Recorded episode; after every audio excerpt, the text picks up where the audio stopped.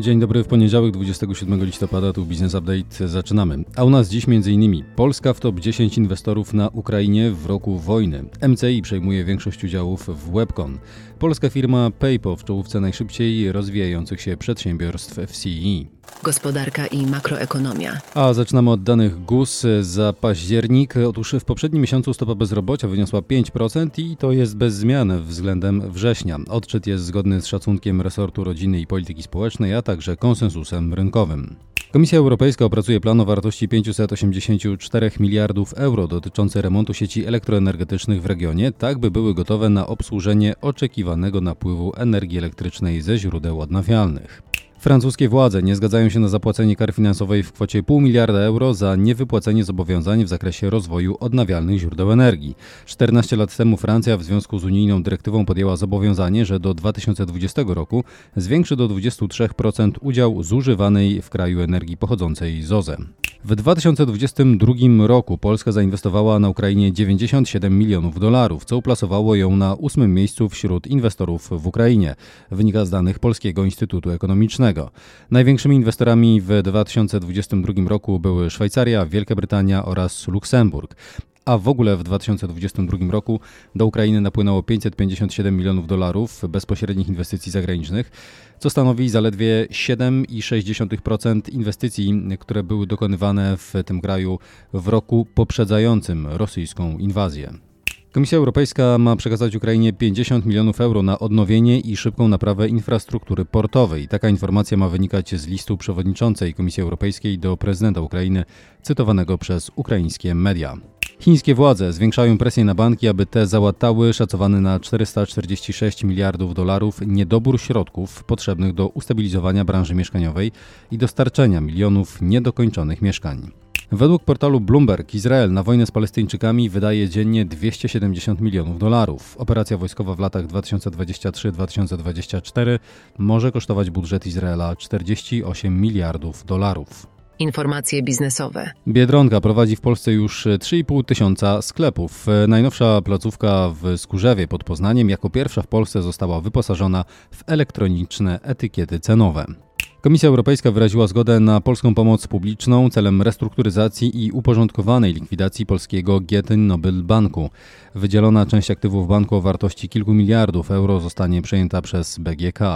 Niemal 100% obligatariuszy spółki deweloperskiej Golub Gethouse poparło plan zakładający zgodę na sprzedaż akcji w połowie wieżowca Mennica Legacy Tower, a jak podaje Puls Biznesu, takiej propozycji sprzeciwia się prezes spółek Cezary Jarząbek, który uważa, że krąg potencjalnych nabywców byłby zawężony tylko do obecnych akcjonariuszy, co wpłynęłoby negatywnie na wycenę akcji. Co więcej, Jarząbek jest skonfliktowany z inwestorem Golub Gethouse, domem maklerskim CVI.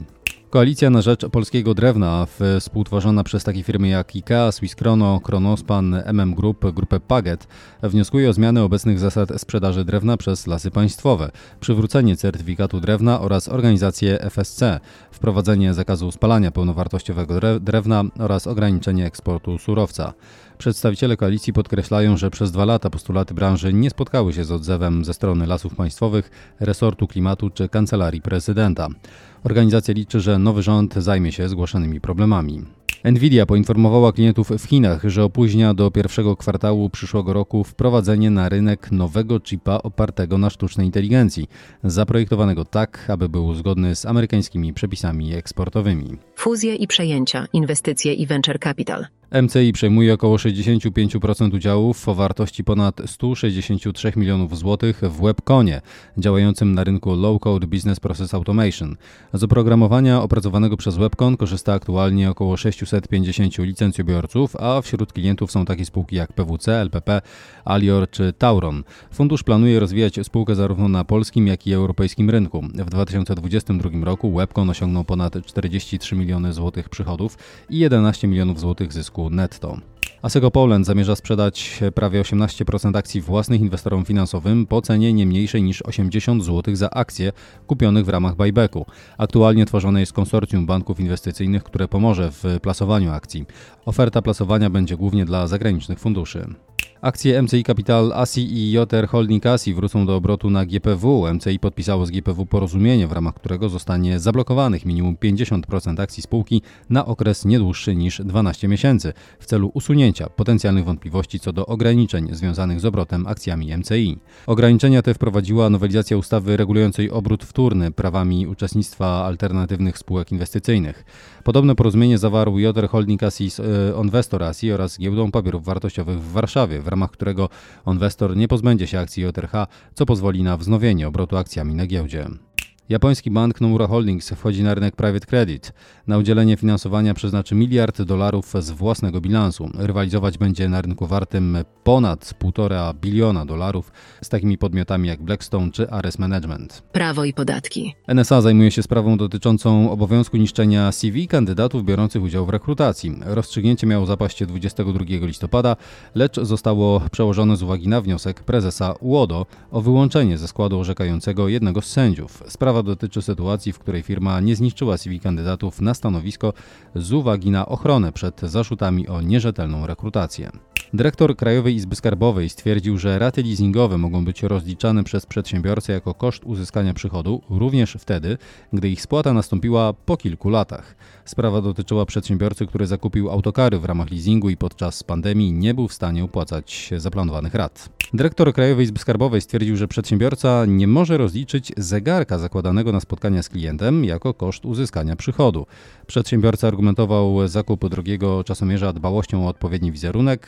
Fiskus nie zgodził się na zaliczenie takiego wydatku jako kosztu uzyskania przychodu. Jak opisuje Rzeczpospolita, warto zaznaczyć, że wcześniejsze interpretacje dyrektora KIS bywały odmienne, umożliwiały rozliczenie takiego zakupu, gdy zegarek miał służyć do precyzyjnego odmierzania czasu spotkania z klientem.